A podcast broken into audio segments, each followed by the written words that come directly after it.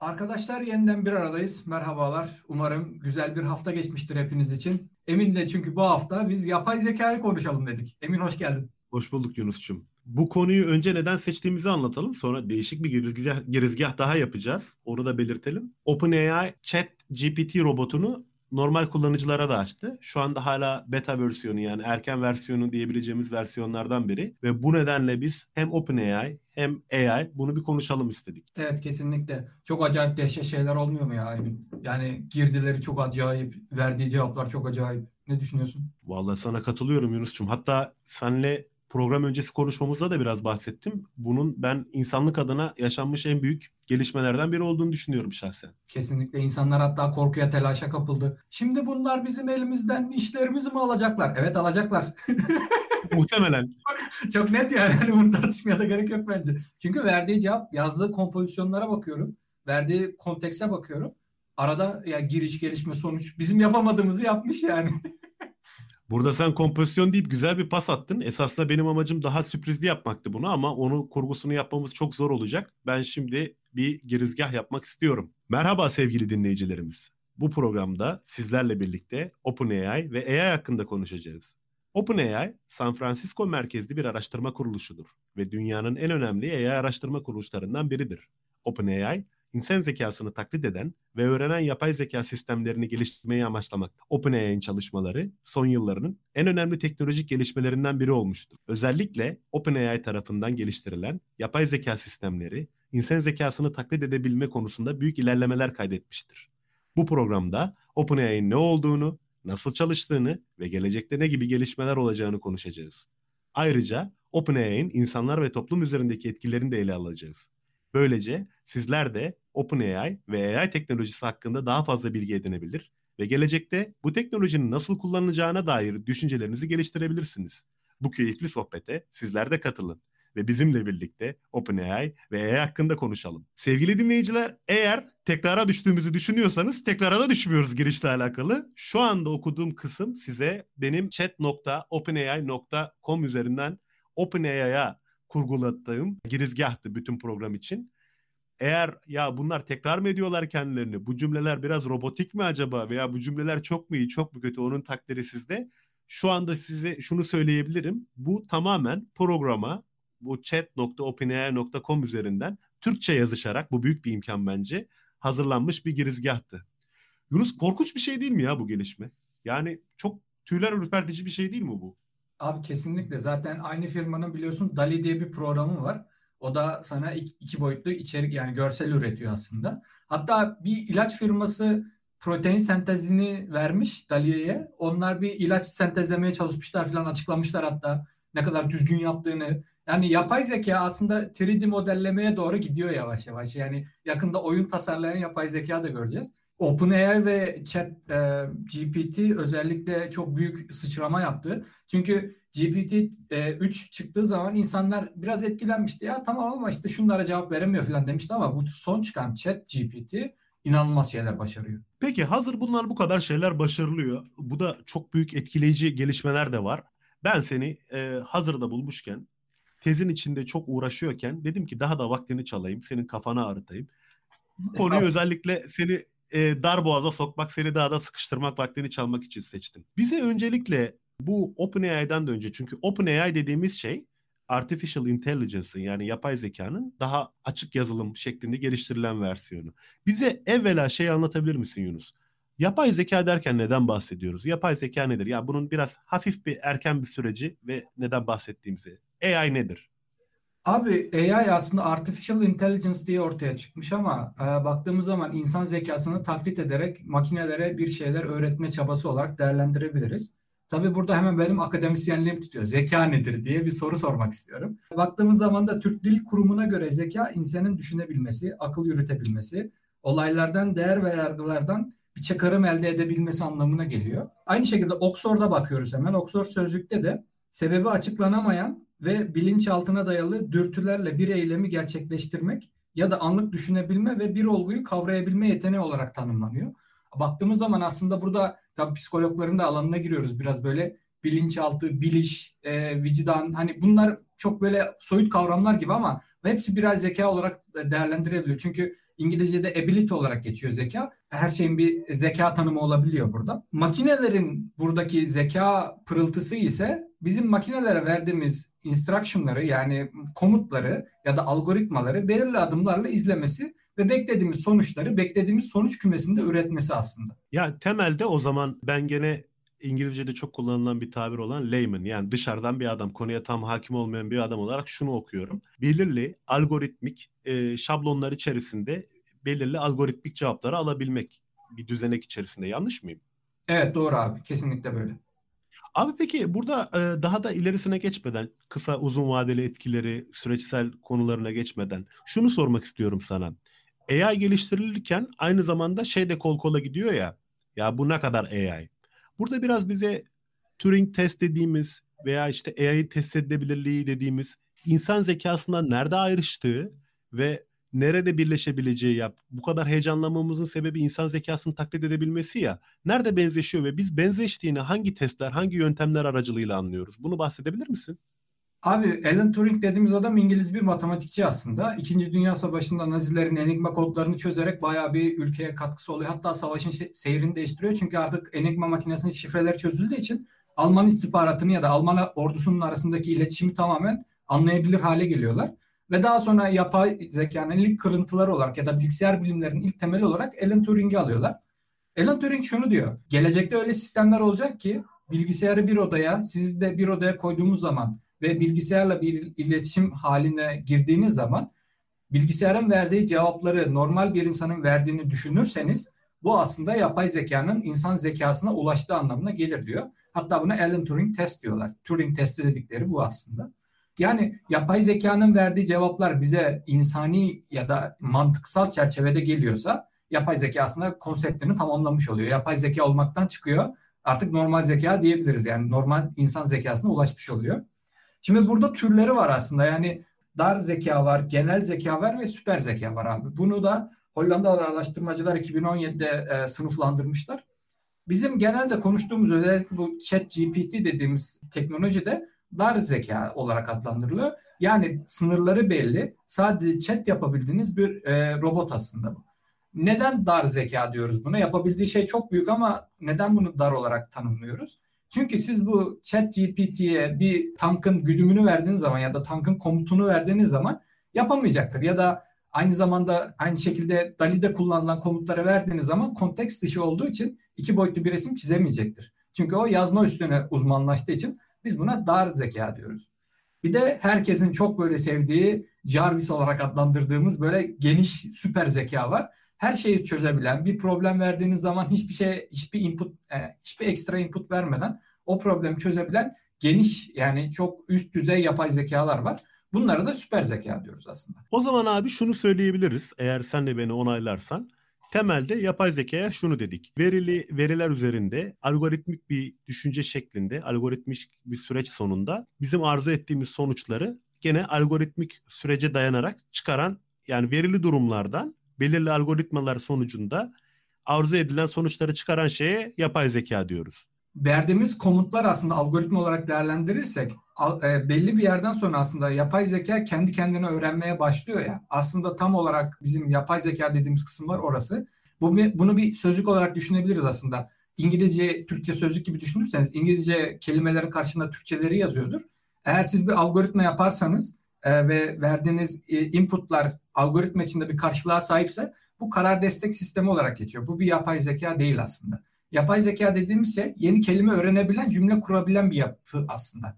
Ama yani burada en önemli farklarından biri şu. Tanımından tanımını yaptıktan sonra sanırım e, yapay zekanın kendisine verili olan şeylere biraz bağımlı kalması ama insanın en büyük farklarından biri kendisine verili olmayan bir şeyde de akıl yürütebilmesi kendi birikimine dayanarak. Ve bugün işte Alan Turing testlerini şu ana kadar bütün yapay zeka gelişmeleri hep fail yapıyorlar. Hiçbirisi geçemiyor bunu. Ama bugün bizim heyecanlanma sebebimiz belki de sahip olduğumuz hesaplama gücüyle beraber bu GPT'ye giren sözcükler, veriler ve daha koşullu e, öğrenme yöntemleriyle beraber o yakın bir zamanda belki de e, yapay zekanın yani bu algoritmaların kendi kendine de bunu öğrenebileceğini düşünmemiz. Yanlış mıyım? Öyle abi. Zaten hani baktığımız zaman yapay zekanın tanımı bilgi edinebilen ve bir problemi konteks vermeden çözebilen olarak tanımlayabiliriz. Dediğin doğru yani. İnsanla arasındaki en büyük de fark bu. Çünkü ben şeyi çok net hatırlıyorum. Bundan önceki yapay zeka tartışmalarında alanın uzmanları da konuşuyorlardı. İşte şeyden bahsediyorlardı. Çok ileri savaş jetleri düşünülüyor işte insansız uçabilenler filan. Ama orada her zaman şunu söylüyorlar. Bu insansız savaş uçakları dahi her zaman insan operatöre ihtiyaç duyacaklar. Çünkü insanın bir e, sen buna sonradan da değinmek istiyorsun biliyorum. Etik e, karar verme gücü var. İki ve belki bundan daha önemlisi de şu. İnsan dediğimiz varlığın kaosla düşünebilme gibi bir yeteneği var. Yani hiçbir bilgisinin olmadığı, hiçbir şartları bilmediği bir yerde gene de belirli örgüleri tutturarak düşünebilme yeteneği var. Bugün yapay zeka bunu yakalamaya çalışıyor. Yani kendisinde kısıtlı olan veriler veya kendisinde tanımlı olmayan koşullar üzerinden de akıl yürütebilmek diyeceğimiz çözüme ulaşma yollarına varmaya çalışıyor. Bizi heyecanlandıran noktası da bu. E peki şimdi bu, bu, bu hafta seçiş konumuzdan da bahsetmiştik. E, OpenAI dediğimiz girişim kendisi de kendisini tanıttı aslında size. San Francisco merkezli şöyle şöyle bir oluşumdur diye. Bu işin arkasında Elon Musk var, Microsoft'un önemli yatırımları var. Milyonlar, milyarlarca dolar da yatırım var. Bu OpenAI ne yapmaya çalışıyor Yunus? Yani bu adamların AI'den farkı ne? Abi OpenAI benim bildiğim kadarıyla e, bağımsız bir şirket grubu ve yapay zeka üzerine araştırmalar yapıp çeşitli şekilde programlar yapıyorlar. İşte DALI bunlardan bir tanesi ve chatbot bunlar. Yani chat GPT dediğimiz chat GPT-3 ya da GPT-4 geliyormuş. Yani GPT-4 geliyormuş. Bunlar aslında ürünleri olarak bakabiliriz bu firmaya. Günün sonunda aslında insan hayatını kolaylaştırmaya çalışan, yapay zekayı süper zekaya yakınlaştırmaya çalışan bir girişim olarak bakabiliriz. Tabii bunların partnerleri çok büyük firmalar dediğin gibi Microsoft var. Bildiğim kadarıyla Nvidia ile de bir, bir takım ortaklıklar yapıyorlar herhalde. Günün sonunda yapay zekayı hayatımıza sokmaya çalışan ve ileri araştırmalar yapan bir laboratuvar olarak bakabiliriz. Öyle tanımlayabiliriz en azından. Şimdi sen bize Yunus'cum bunun genel tanımını yaptın AI'ın ve OpenAI'nin tanımını yaptın. Bunun tarihsel sürecinden bahsettin. Bugün ne, neden bu kadar heyecanlandığımızdan bahsettik. Bir de şeyi anlatır mısın bize? Sanırım bu teknolojinin daha da hızlanmasının sebeplerinden biri gelişen internetle beraber yazılımcıların yani bunu geliştiren insanların interneti bunun için veri olarak kullanabilmesi diye sanıyorum. Ve internette de her gün e, milyarlarca, trilyonlarca tekst üretildiği için machine learning dediğimiz makine öğrenimi yöntemiyle bu sistem daha önce görülmemiş oranlarda kendi kendini geliştirebilme imkanına sahip oluyor. Yanlış mıyım? Doğru abi. Zaten 1950'lerde ilk yapay zeka tanımı bir konferansta çıkıyor ve oradaki bilim adamları yapay zekayı nasıl yapabiliriz tartışırken bir bilim adamı diyor ki insan beynini model alalım ve sinir ağlarını hemen modelleyelim. Bilgisayara bunu veri olarak verelim. O işte öğrenmeyi öğrensin falan filan. Daha sonra 1950'lerde bunun yapılmasının ne kadar zor olduğu anlaşılınca aslında en tercih edilmeyen yöntem olarak orada kalıyor.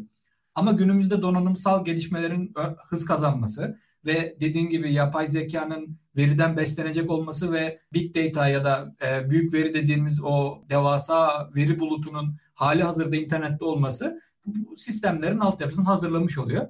Ve dediğin gibi e, verileri oradan çekip yapay zekayı eğitmek çok daha kolaylaşıyor. Çünkü aslında her birimiz farkında olmadan Instagram'a koyduğumuz bir fotoğrafla veya birbirimize attığımız yorumla veya herhangi bir Google sitesinde yapılan o kimlik doğrulamalarıyla hani size söylüyor ya sevgili dinleyiciler karşıdan karşıya geçen işte yayaları seç diye esasında orada machine learning'e bir faydada bulunuyorsunuz. Orada çünkü pattern reading yani örgü okuması yaparak makineye yardımcı oluyorsunuz ve farkında mısınız bilmiyorum yani günde iki saat internete girseniz bile siz yapay zekanın geliştirilmesi için müthiş derecede kıymetli veriyi bu geliştirici insanların eline vermiş oluyorsunuz. Bunu asla bir değer yargısıyla söylemiyorum iyidir veya kötüdür diye. Olan şeyden bahsediyorum sadece. Yani bu simply fact yani olan şeyler bunlar. Basitçe olan şeyler. Peki sevgili Yunus'cum bize bunun e, uzun vadeli etkilerini de konuşabiliriz de sen alandan da olduğun için bunun bize e, etkileri ne olur? Ya çok uzun vadelerinden konuşmak istemiyorum. Çünkü çok uzun vadeleriyle ilgili e, çeşitli spekülasyonlar ve bununla ilgili işte Scientology olur, başka türlü e, dinsel olmayan gruplarda olur, teorileri var, singularity olur başka şekilde. Yani tekillik falan da dönüyor. Bunlara da belki değinebiliriz. Ama kısa vadede yani kısa vade dediğimiz şey teknolojinin kısa vadesi. Yine yeniliyorum. Yoksa insan yaşamının kısa vadesi değil. Yani 5 yılda, 10 yılda, 20 yılda ne olur? Çünkü eğer bana sorsaydın 20 sene önce şu anki konumuna gelebileceğini hayal edebilir miydim? E, yapay zekanın buna kesinlikle hayır diyebilirim. teknolojiyle haşır neşir olan bir insan olarak. Sen ne görüyorsun? Yani AI bana ne verecek? Yani uzaylılar bana hayatıma mı giriyor? Ne oluyor yani? Benim hayatıma ne etki edecek bu konuda? Abi hemen ben burada bir çerçeve çizersem yapay zekanın avantaj ve dezavantajlarından bahsediyoruz aslında. Ee, senin sorunu da şöyle bir şekilde algılamak istiyorum aslında.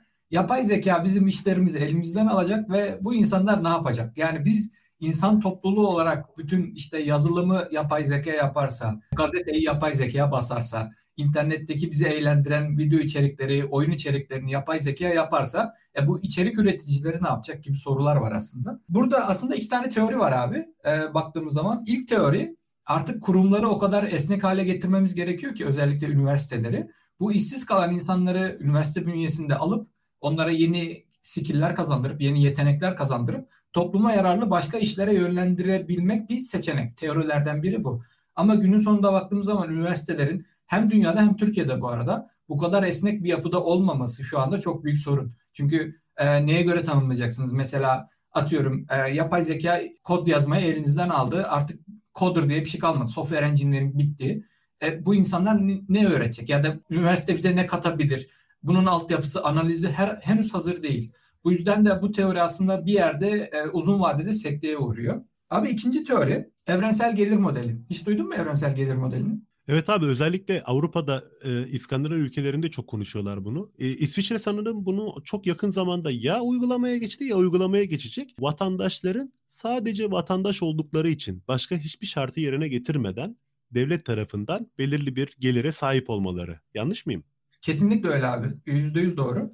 Ee, vatandaşların yaşamlarını idame edecek kadar para veriyorlar. Yani ne fazla ne az atıyorum 1500 dolarsa o kadar devlet size veriyor ne çalışmanız gerekiyor, ne bir yere gitmeniz gerekiyor.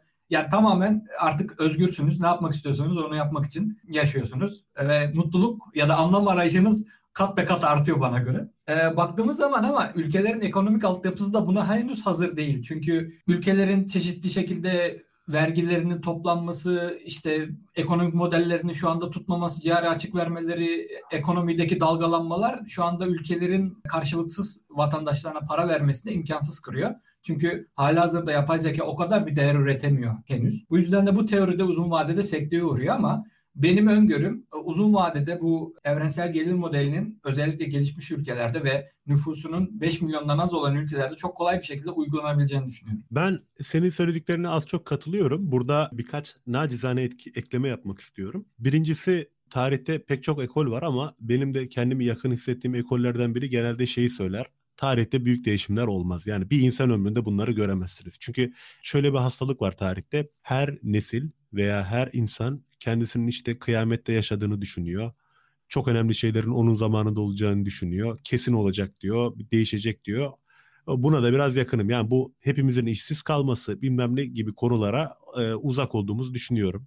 Orada yapmak istediğim diğer bir ekleme de elbette bunun insan iş gücüne ekleneceğini düşünüyorum. Bunun sadece kas gücü olarak değil beyin gücü olarak da eklenebileceğini düşünüyorum ama bana, bana şu çok aptalca geliyor. Sen örneğin bir bilgisayar mühendisisin. Bu teknoloji geliştirildiği zaman muhtemelen bu teknolojiyi sen benden iyi kullanacaksın. Yani dolayısıyla senin işsiz olman çok mantıksız geliyor. Yani sen belki bilgisayar mühendisi olmayacaksın ama bilgisayar mühendisinin mühendisi veya bu programa kodlamayı yaptıran kodlayıcı olacaksın. Bir şekilde gene benim bir adımın üzerinde olacaksın. Yani bu OpenAI'nin veya AI'nin gelişmesi şey anlamına gelmiyor ki Yunus'u fakülteden atıyorlar, işte e, doktoradan atıyorlar veya e, hocalıktan atıyorlar ve tamamen sokaklarda berdiş dolanıyorsun. Senin zaten bir teknoloji altyapında. Ben her zaman şuna inanıyorum. Her gelişen üretim modeliyle beraber insanlar o teknolojinin bir üstüne çıkmışlar. Nasıl söyleyeyim? Mesela fabrikada demiri döven adam olmamışsın. Artık o demiri döven bir makine var ama o demiri döven makineyi kontrol eden tekniker olmuşsun. Ben böyle bir şeye olacağına inanıyorum. Yani üretim kapasitemizi artıracak ve biz bu biz bu artan üretim kapasitesi içerisinde kendi yeni rollerimizi alacağız. Bu konuda sen bir bilgisayar mühendisi olarak ne düşünüyorsun? Çünkü çok fazla geyik oluyor. İşlerinizi elinden alacak falan. Ben katiyen böyle düşünmüyorum. Bizi biraz aydınlatır mısın bu konuda? Abi ben sen de burada aslında aksine zıt kutuptayım. İnsanların işlerini alacağını düşünüyorum. Neden dersen? Çünkü algoritmayı kullanarak bir yazılım yapabiliyoruz. Bunu GPT işte chat GPT yapıyor mesela şu anda.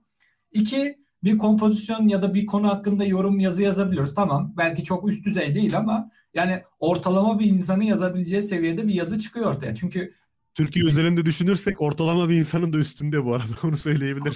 Kesinlikle onu diyecektim tam. Türkiye ortalaması zeka olarak 89 puan. Yani üstün zeka diye tanımladığımız insanlar 110 puandan başlıyor.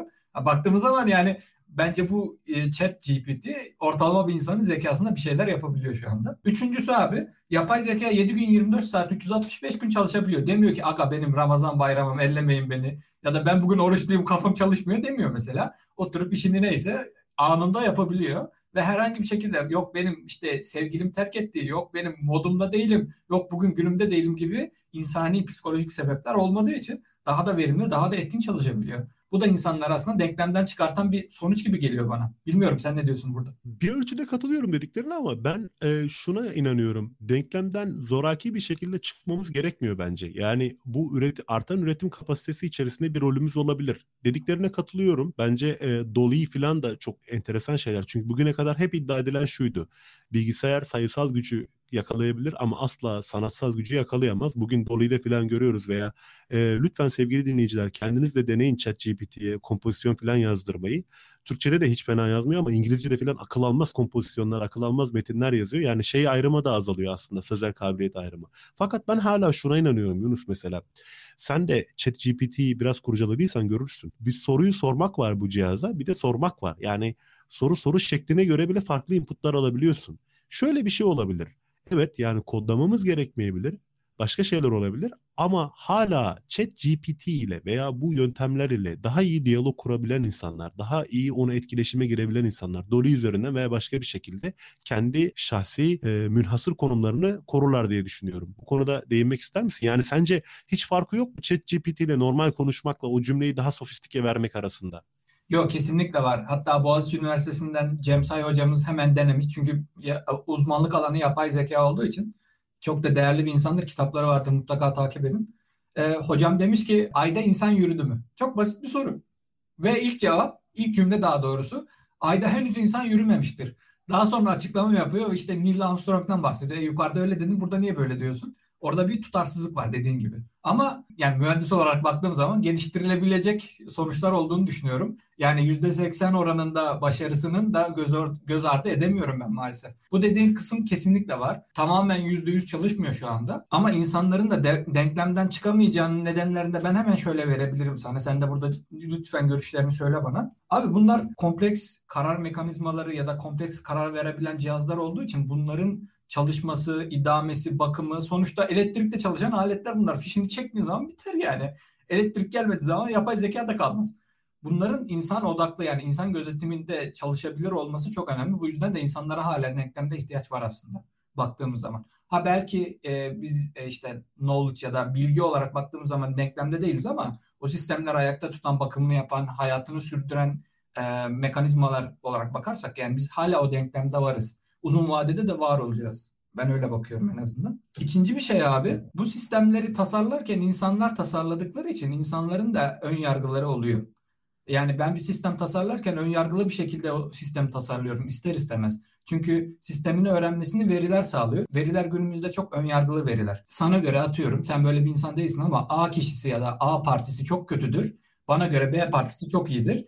E, yapay zeka bunu öğrenmeye çalışırken anlayamayacak. Yani bir yerde konflikte düşecek bir yerde ka- karmaşa yaşayacak, kafası karışacak. E, nitekim de bu işte ön yargılar, etik değerler ön plana çıkıyor. Burada da hala çözemediğimiz bir sürü sorun var. Bu da mesela diğer bir insani problem aslında. Ben buna da yüzde yüz katılıyorum. Yani burada hepimizin dahil olduğumuz bir süreçte bunun şekilleneceğine inanıyorum. Çünkü şu ana kadar geliştirdiğimiz pek çok tanım gelişen yeni olgular üzerinde işlemiyorlar aslında. Buradaki zorluklardan biri de şu senle daha önce de değiniriz demiştik. Yani sadece iş gücünde yeni bir yere açılmıyorsun. Yani sadece iş gücünde yeni bir yere seni ya senin yerine almıyor.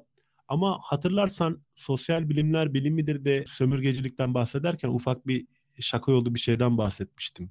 Yani sömürgecilik sadece gelip senin toprağındaki kömürü almak değildir. Senin toprağındaki kömürü alıp sana ipek işleyip o ipeği satmaktır diye. Benim bir diğer güvencim bu gelişen teknolojiyle beraber yok olmayacağımıza veya e, mutluluğumuzun e, doğrudan tehdit edilemeyeceğine dair. Gerçi mutluluk da çok değişken bir tanım ama şu. Bu teknolojiyi geliştirdikten sonra hala bir pazara ihtiyaçları var abi. Yani bunu bir kullanıcıya satmak zorundalar. Bunun bir parasal değeri olmak zorunda ee, senin o dediğin evrensel gelir fikrine de buradan biraz katılıyorum aslında. Yani bir şekilde bunu parasal bir değere dönüştürmeleri lazım.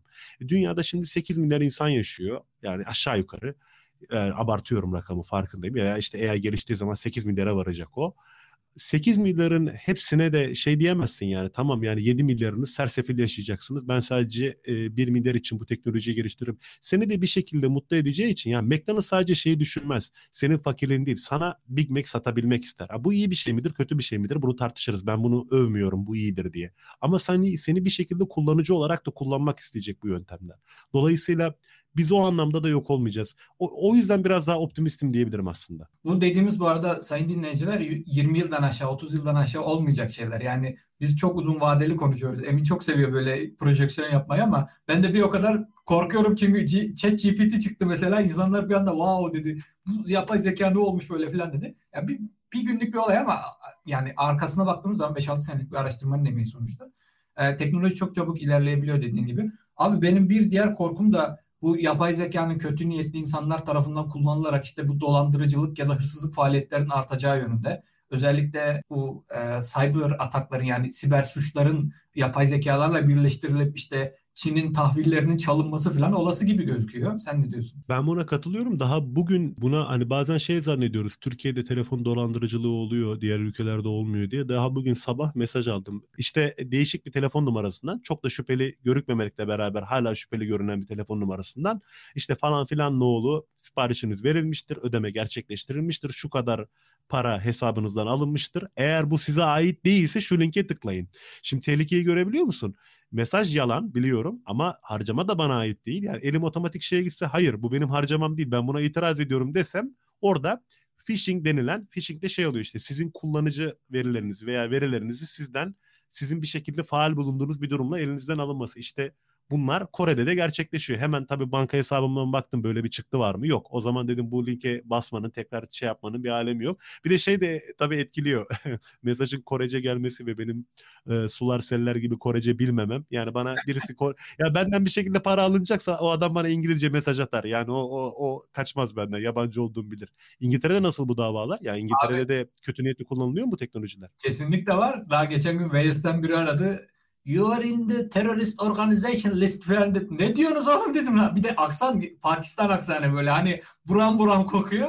Dedim yani mümkün değil. Hatta polisi aradım dedim böyle bir numara beni aradı. Böyle böyle terör organizasyonunun listesindeymişim ben ama öğrenciyim hiç alakam yok falan dedim. Beni farklı birimlere yönlendirdiler. Bir yaklaşık yarım saat sürdü o işte 8'e basın, 3'e basın, 4'e basın. Müslüman olmanın bunda büyük etkisi var tabii. Direkt sana şey diyemiyorlar. Yok kardeşim sen ne teröristisin diyemiyorlar ama Müslüman olduğu için seni önce bir çek etmesi lazım. insanlara işte bu abi o telefon ağı çok kötü ya dörde basıyorum üçe basıyorum. Bir, o insanda bir ofislere ulaştık böyle anlattım derdime. De, herhangi bir para yatırdım dedi. Yok dedim. Form doldurdum mu? Yok. İşte adres bilgisi verdim mi? Yok. Ya, tamam o zaman dedi. Sadece cep telefonu numaranı bir yerden almışlar büyük ihtimal. Seni işte dediğin gibi phishing yapmaya çalışmışlar dedi.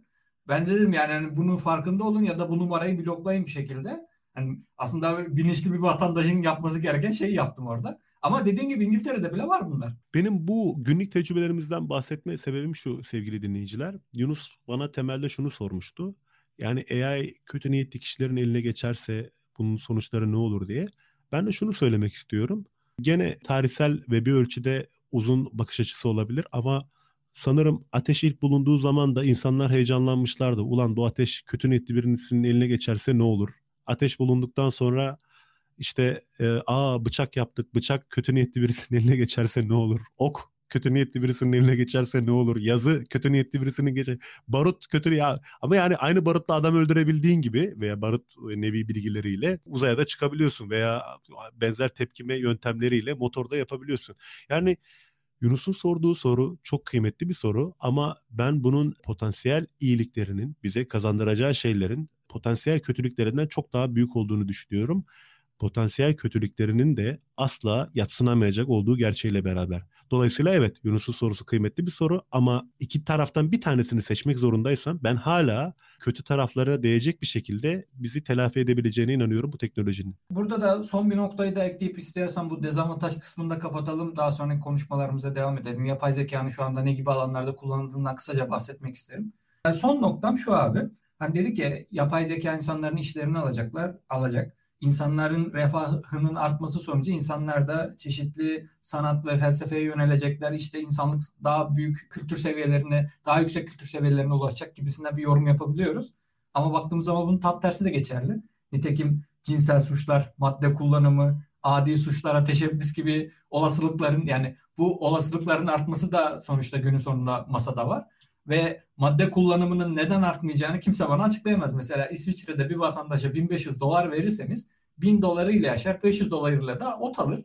Onu içer kafası da 1500 olur. Yani günün sonunda güzel güzel oturur evinde değil mi? Ama bunu şu anda da söyleyebilirsin. Yani o insan şu anda da mesela İsviçre'de sanırım bir mızıka çalsan yani bir ay boyunca mızıka çalsan 1500 dolara yakın para toplayabilirsin diye tahmin ediyorum. Yani e, kötü yola sapacak insanların şu anda sapmamaları veya kötü olduğunu düşündüğümüz şeyleri şu anda da yapmamaları için bir neden yok. Ya ben özünde insanın çok az değiştiğine inanıyorum. Yani insan hep aynı insan aşağı yukarı. İyisi de kötüsü de hep içinde barındırıyor. Dolayısıyla insan kötüdür, insan iyidir özelinden bir okuma yaptığımız zaman durumlarda şeye şaşırabiliriz. Yani e, çıkacak sonuçlara şaşırabiliriz diye tahmin ediyorum. Ama sorduğun her sorunun sorulması gereken ve bunların e, üzerine düşünülmesi gereken şeyler olduğu gerçeğinde altını çiziyorum. Abi kesinlikle ya. Yani bilmiyorum ben buradan hani yapay zekanın uygulama türlerine geçeyim kısaca. Hemen biraz da oradan bahsedelim. Daha sonra işte yavaş yavaş toparlarız. Çok, faydalı olur. Toparlamadan önce bir de şeyden de bahsedelim. U, uzun vadedeki tahminlerimiz de aynı iddia kuponu yapar gibi 50 yılda sen nerede görüyorsun, 60 yılda sen nerede görüyorsun? Biraz o kısmı çünkü keyifli de bir konu. Şimdi abi burada hemen ben e, yapay zekanın uygulamalarına geçeyim. Yapay zeka hükümetler tarafından kullanılıyor aslında. Hastanelerde özellikle İngiltere'de birkaç uygulama gördüm ben. Diyelim ki bir hastalığınız var ve acile gittiniz. Orada bir kiosk var. Yani bir tablet var aslında. Tablete siz semptomlarınızı giriyorsunuz. O sizin doktoru görüp göremeyeceğinizi, gerçi normalde ölüyor olsanız bile doktor göremiyorsunuz. İngiltere'de doktor yok. Neyse diyelim ki hani iyi bir durumdasınız. Hani doktor da var. Doktor da görebilme Senin şansı. lafını balla kesiyorum. Daha geçen e, The Sun'da mı ne görmüştüm yani. Daily Mail de olabilir. The Sun çok asparagas haber de yapıyor ama adamın birine çocuğunun operasyonu için kaçta tarih vermişler? 2025 mi vermişler randevu için, üroloji randevusu için? Hani çocuk artık şey oluyor, birey oluyor. 18 yaşını falan geçmiş oluyor randevusu gelene kadar İngiltere özelinde. NHS'ti değil mi sizin sisteminizin adı? Aynen. Abi sıkıntılı ya. Yani doktor açığı inanılmaz derecede ve hemşireler hatta eylem falan yaptılar gene sıkıntılı. Yani Covid çok büyük e, zarar verdi. Türkiye'de biz mesela hani konu konuyu açıyor da Türkiye'de mesela doktorlar çok canla başla mücadele ediyor. Terinin kanının son damlasına kadar mücadele ediyor. Abi burada birey var ya şey diyor ben bu yükü kaldıramam benim psikolojim bozuldu diyor çekip gidiyor. Kimse de diyemiyor yani kardeşim nereye gidiyorsun burada biz savaş veriyoruz diye. Hani Türkiye'de o algı yok mesela. Türkiye'de daha kolektif bir bilinç var bence. Yani bir aradayız cepheyi terk etmemeliyim işte arkadaşlarıma yardımcı olayım. Ya üç gün uyumayan doktor varmış ya yani inanılmaz bir çaba yani. Hani İngiltere'de bunu anlamak mümkün değil.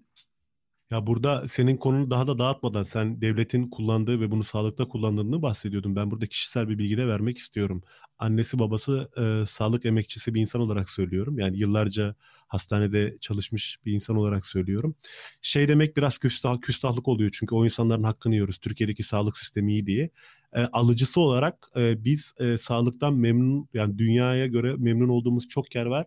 Ama ben bunun nedeninin sistem değil. Buna emek veren insanların yani o e, dişliler arasında binbir emekle ben çünkü kendi annemden babamdan da biliyorum ve, Yunus'un bahsettiği gibi kıymetli doktorlarımızdan da arkadaşlarımızdan da biliyoruz. Yani bu sistem olduğu için yürümüyor e, sevgili dinleyiciler. Zaten farkındasınız pek çoğunuz.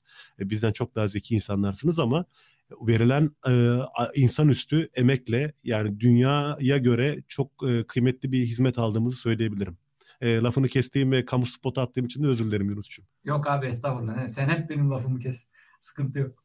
Ee, sağlık sektöründe işte bu tablet uygulamalarıyla insanların teşhisleri bir şekilde e, kümelenip daha kısa bir e, pet çizilip yani gerekirse kısa bir yani gerekirse daha az dozlu bir ilaç yazılıp insanların tedaviye ulaşması kolaylaştırılıyor. Yapay zekanın örneklerinden bir tanesi bu sayabiliriz.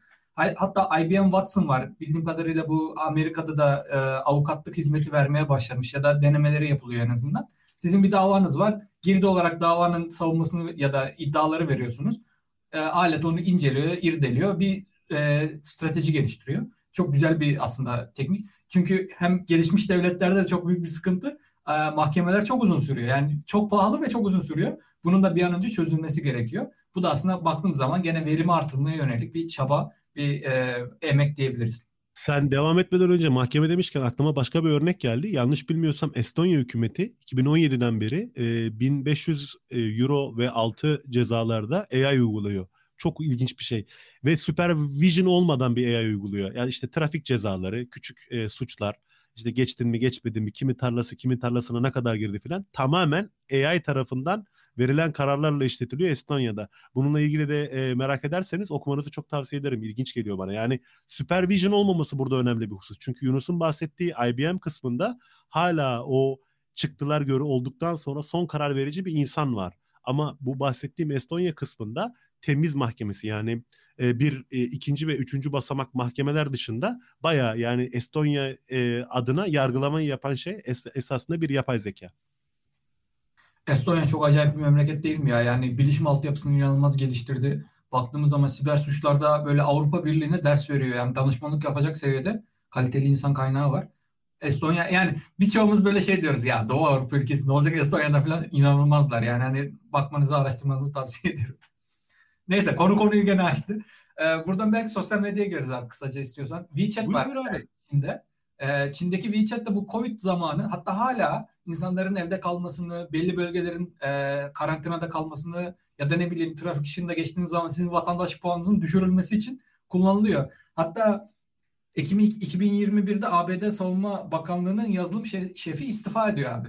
Çünkü diyor ki biz Çin'le artık yapay zekada rekabet edemeyecek seviyeye geldik. Ben bunu kaldıramıyorum ABD vatandaşı olarak. Ben bu görev görevi bırakıyorum diyor. Ya bu inanılmaz bir protesto aslında değil mi? Yani baktığımız zaman yani Çin belki otoriter bir rejim. Baktığımız zaman hani ABD ile kıyaslanamaz. Çünkü orada bir demokrasi var. O kadar kolay yürümüyor. Ama WeChat özelinde bütün bu banka hesapları sosyal medya bir araya bağlandığı zaman en başta dediğimiz bu veri kümesi inanılmaz oluyor ve tahminlemek ya da ne bileyim yapay zekayı geliştirmek daha kolay oluyor sanki. Ne diyorsun? Yüzde yüz katılıyorum. Ee, bu e, özellikle siyaset biliminde de tehlikeli, ikircikli bir alandır. Yani normalde sistemleri okuyorsunuz işte demokrasidir, komünizmdir, otokrasidir. Otokrasinin sahip olduğu avantajlardan biri de yani uzun vadede hayır yani teknoloji için çok büyük e, bir artısı yok ama bu şekilde kısa vadede yüksek verinin, yüksek organizasyonun gerektiği şeylerde kişisel veri hukuku az geliştiği için Çin'de Yunus'un da bahsettiği gibi inanılmaz bir şekilde veri toplayabilip bunu da sürece dökebiliyorlar. Yani e, evet ne yazık ki bu bir otokrasi avantajı diyebiliriz. Çünkü aynı işi İngiltere'de yapmaya çalışsan e, milyarlarca e, pound e, tazminat ödüyorsun. Amerika'da yapmaya çalışsan milyarlarca dolar tazminat ödüyorsun. Dediğin konuda haklısın yani. Çin'in e, bu konuda var olduğu sistemin de avantajını kullandığı bir gerçek. Abi son olarak belki bunu daha önce bahsettik Meta Metaverse bölümümüzde Facebook'un yaptığı skandallardan Türkiye Türkiye'de kafam diye adlandırmışlar bunu. Çok hoşuma gidiyor benim her seferinde. Google, Apple, Facebook ve Amazon'u böyle kısaltıp kafam diyorlar buna. Konyalı gibi böyle. Ben de Konyalı olduğu için çok rahat söylüyorum yani. Abi bu şirketler yapay zekayı koşturup arkada işte profil analizi yapıp günün sonunda özelleştirilmiş medya feedleri sağlıyorlar. Yani Instagram'a girdiğiniz zaman benim gördüğümle sizin gördüğünüz şeyler farklı aslında. Bu da günümüzde kullanılan bir yapay zeka teknolojisi ve baktığımız zaman şirketlerin eline inanılmaz kozlar veriyor. Çünkü ben mesela kahveyi seviyorum. İşte Java orijin kahveleri denediniz mi diye bana reklam çıkarken siz mesela bisiklet seviyorsunuz. Size çok daha başka şeyler çıkabiliyor. Bu söylediğinin işletmeler açısından büyük güç yaratması dışında şöyle bir etkisi de var bence ve bu bence esas tehlikeli olan e, sosyal medyadaki bu yaratılan ortamlar bizleri eko odaları denilen yani yansıma odaları denilen echo chamber denilen e, kısımlara itiyor sosyal medyada. Bu nasıl oluyor derseniz sevgili dinleyiciler Yunus'un bahsettiği gibi sizin kişisel zevkleriniz, tercihleriniz, çevrenizden size yönelik bir feed oluşturuluyor ve siz baktığınız zaman eğer örneğin e, Uganda'da işte sol partiyi destekliyorsanız sadece Uganda Sol Partisi ile ilgili şeyler görüyorsunuz ve zannediyorsunuz ki ya ulan bütün memleket Uganda Sol Partisi'ni destekliyor. Bu Uganda Sağ Partisi'nde kim oy veriyor kardeşim bu adamlar %50 oy alıyor. Ben vermedim sen vermedin. Bu echo chamber'lar esasında bizim internetin en büyük vaatlerinden biri buydu. Yunus da benim jenerasyonumda. Yani internete de biz yani hem sokak sokaktan internete geçen jenerasyonuz aslında. İnternetle beraber bize söylenen işte dünya ile birlikte olacağız, dünyaya kavuşacağız, her çeşit insanla beraber olacağız diye. Şu anda öyle bir hale geldi ki sadece daha da kendi fikirlerimiz içinde yoğrulup yansıma odası denilen kendi fikirlerimizi yazdığımız, kendi fikirlerimizi okuduğumuz ve böylelikle de kutuplaşmanın daha da arttığı bir kısma geliyoruz esasında. Bu konuda Yunus Metaverse'ün girişini de çok güzel bir şekilde Cambridge Analytica skandalından da bahsetmişti. Bu da buna çok ilişkin. Eğer merak ediyorsunuz lütfen o bölümü de dinleyin. Abi buradan istersen bir de son olarak şeylere değinelim. Bu hani dedik ya demokrasi, otoriter rejimler bunların uygulanması hükümetler açısından AI falan. Sanki bu yapay zeka ile bizim doğrudan demokrasiye erişimimiz daha kolay olacak gibi gözüküyor. Özellikle blockchain teknolojisiyle bu oy verme mekanizmasının birbirine bağlanması oyların manipüle edilemeyeceğinin garantisini veriyor bize sanki. Bu konuda öngörüleri neler? Yani ben şu anda milletvekili sisteminin uzun vadede sanki çok işe yaramayacağını çünkü insanların cep telefonu ya da metaverse gibi evrenlere girip hani oy verebilecekleri bir mekanizma olacağını düşünüyorum. Sen ne diyorsun? Bu ölçüde sana bir yerde katılıyorum, bir yerde de katılamıyorum. O da şu oluyor. Bireysel olarak bizim e, bu bize sunulan teknoloji içerisinde aktifleşmemizin artacağı doğru. Buna katılıyorum. Bireysel olarak bizler bu verilen sistemlerde oylarımızla, işte bir beğenilerimizle, emojilerimizle tarafımızı belirli edebiliriz. Fakat bence şöyle ciddi bir tehlikesi var. Bu ürünleri geliştiren kişiler, yatırımcılar, odaklar, şirketler her ne derseniz deyin. Genelde devletten de fazla teknik bilgiye sahip oldukları için aslında inanılmaz bir manipülasyon gücüne de kavuşuyorlar.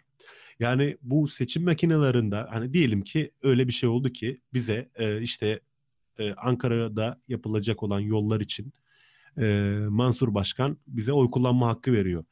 Bu aplikasyon bana doğrudan tarafsız temiz bir şekilde gelmiyor ki o aplikasyonu da birisi geliştiriyor. Yani onun bir developer'ı var. O developer'ın tarafsızlığını denetleyemeyeceğimiz için bence her halükarda kamu yönetişiminde bir e, aracılığa, bir kuruma, kişilerin aktif bir şekilde bulunmasına ihtiyaç duyacağız. Dolayısıyla sana bir ölçüde katılıyorum. Evet bizim yönetişimle olan etkileşimimiz artacak ama bunun da tehlikeli kontrol edilmesi ve gözlemlenmesi gereken noktalarla beraber geleceğini de düşünüyorum.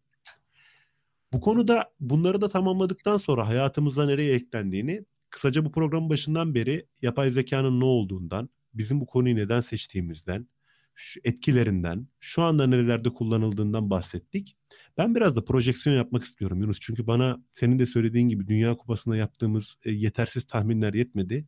Biz çok bilen insanlar olduğumuz için çok uzmanıyız bu konuda. Sen uzmanısın ben değilim. Şimdi sana haksızlık etmeyeyim ama. Ben de değilim. Gel... Ben de yazılım mühendisiyim o kadar arkadaşlar. Başka bir şey değil mi? ya sen değil sen kimse değil bu konuda. Şunu söyleyeceğim. Geleceğe yönelik aşırı e, orantılı, aşırı doğru tahminler yapmak istiyorum. O da şu. E, kimileri 2060 civarında işte insan gibi, insan yerine koyacak yapay zekaya ulaşabileceğimizi iddia ediyorlar. Bu kimileri diye bahsettiğim insanlar da arkadaşlar Yunus sizlerle linklerini paylaşacak. Dünya genelinde kıymetli AI alanında çalışan alanında uzman isimlere işte belirli impact e, yani impact dediğimiz etki yani makale atıf sayısına ve makale e, anılmasına sahip insanlara yapılan e, araştırmalardan yapılan bunlarla yapılan söyleşilerden, surveylerden, anketlerden çıkan sonuçlar uzmanların çoğunun görüşü 2060 civarında kırılımı yaşayacağımız. Yunus'cum sen nerede görüyorsun? Yani ben senin işinin bir kere hala bitmeyeceğini düşünüyorum. Sen emekli olursun muhtemelen. Yani en azından bursunun mecburi hizmetini falan yerine getirmiş olursun. Şey bitene kadar. Yani bu yapay zeka gelişene kadar. Şakası bir tarafa uzun vadede ne görüyorsun sevgili kardeşim? Nasıl düşünüyorsun yapay zeka hakkında? Şimdi abi yapay zeka çok geniş olduğu için ben burada aslında e, gene verimi artırmaya yönelik bakacağım aslında. E, özellikle bu gelişmemiş ya da gelişen ya da gelişe yazmış, gelişmeye niyet etmiş ülkelerin yapay zeka kullanımlarıyla verimlerinin artacağını düşünüyorum. E, bu sayede de işte bir takım ekonomik gelişmeler ve e, halkların en azından e, yakın ekonomik seviyelere çıkmasını bekliyorum. Çünkü baktığımız zaman Vietnam'da mesela çok güzel bir çip fabrikası var ama Vietnam halkının yani Vietnam köyüne gittiğiniz zaman o şeyi göremiyorsunuz. Ee, nasıl diyeyim? O refahı göremiyorsunuz. Çünkü orada kazanılan milyar dolarlar o köye gitmiyor bir şekilde. Yani hala bir çok büyük bir uçurum var sanki. Ben biraz daha buraların törpülenip insanların biraz daha eşit seviyelerde en azından düzgün şartlarda yaşayabileceğini düşünüyorum. Ama şöyle de bir tehlike var abi ne dersin bilmiyorum da gene biraz siyaset biraz da topluma giriyoruz. Deepfake denilen bir yapay zeka teknolojisi var. Yani sizin görüntülerinizi, resimlerinizi ses analizini yapıp sizin demediğiniz şeyleri e, değermişçesine ama çok gerçekçi bir şekilde aynı tonlamalarıyla verebiliyor. Şimdi mesela bu deepfake teknolojisinin e, sosyal medyada kullanılarak seçimlerin manipüle edilmesi ve otoriter rejimlerin daha da güçlenmesi. Çünkü otoriter rejimler zaten bütün gücü elinde bulundurdukları için muhalefete alan tanımayıp kendi güçlerine güç katması da olası bir tehlike. Ben bunu da aslında bir tehlike olarak da görüyorum. Ama baktığımız zaman e, tüm bunları bir e, çembere ya da bir çerçeveye koyarsak ben uzun vadede yapay zekanın insanların işlerini inanılmaz kolaylaştıracağını düşünüyorum. Hem maddi hem de e, refah anlamında yapay zeka bizim çok ciddi bir sağlık dostumuz olacak gibi geliyor. Tabii nükleer bomba gibi aslında bu yani hani nasıl kullanacağınıza bağlı tutup Hiroşima'ya atarsanız insanlar ölür yani. Hani sen de dedin ya Arap'ta bu ok zehirli atmayın bunu diye. Hakikaten öyle yani. Hani bunun tehlikesini bile bile insanlığın aleyhine kullanırsanız sonuçlar katastrofik olacak. Yani sonuçlar korkunç olacak gibi görüyorum. Sen ne diyorsun? Şimdi kendi görüşüme geçmeden önce e, Yunus da kendi alanında bir uzman. Her ne kadar mütevazilik yapsa da esasında bu katastrofik kelimesi bende bir çağrışım yaptı. Yine sizlerle paylaşacağımız 2014 ve 2021 çalışmaları var. Birisi daha karamsar. Yine alanında uzman isimler. Yani en minimumunda alandaki isimlerin yüzde beşi bunun insanlık için katastrofik etkileri olacağının e, en kötümser oranda da yüzde otuzu alan için katastrofik yani inanılmaz geri dönüş ol, olamaz şekilde etkileri olacağını düşünüyor. Dolayısıyla bu konuda Yunus yalnız değil. Eğer katastrofik konusuna yaptığı değinmeyi hatırlarsak. Benim şahsi fikrim de ben biraz daha fantazi yapacağım. Uzun uzun vadeye geçeceğim. Sadece uzun vadede değil.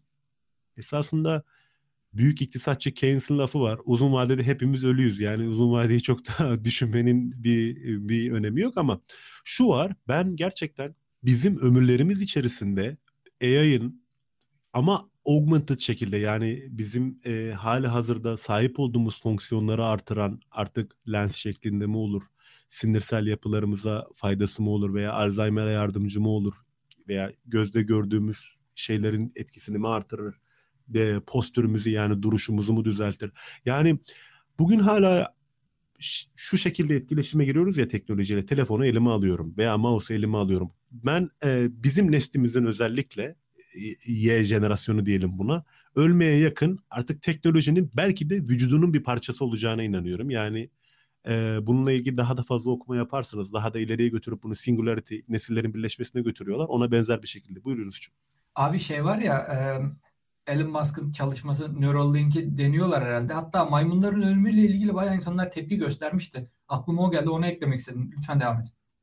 Yani şuna inanıyorum. Bizim neslimiz belki de organizma organizma olarak yani Homo sapiens ve vücudunda teknoloji. Gerçi bugün bile stent olur, bypass pili olur, insan vücuduna dahil olan mekanizmalar ve materyaller var ama ben e, ölüm döşeğimde olduğu zaman hani Allah uzun ömür verirse artık 80'leri falan gördüğümü tahmin ederek konuşuyorum.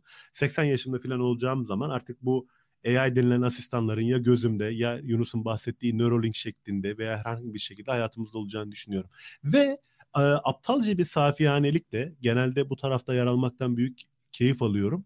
Bunun hayatımızı olumlu etkileyeceğini de düşünüyorum. İnternetle beraber e, inanılmaz bir şeye kavuşmuştuk, güce kavuşmuştuk.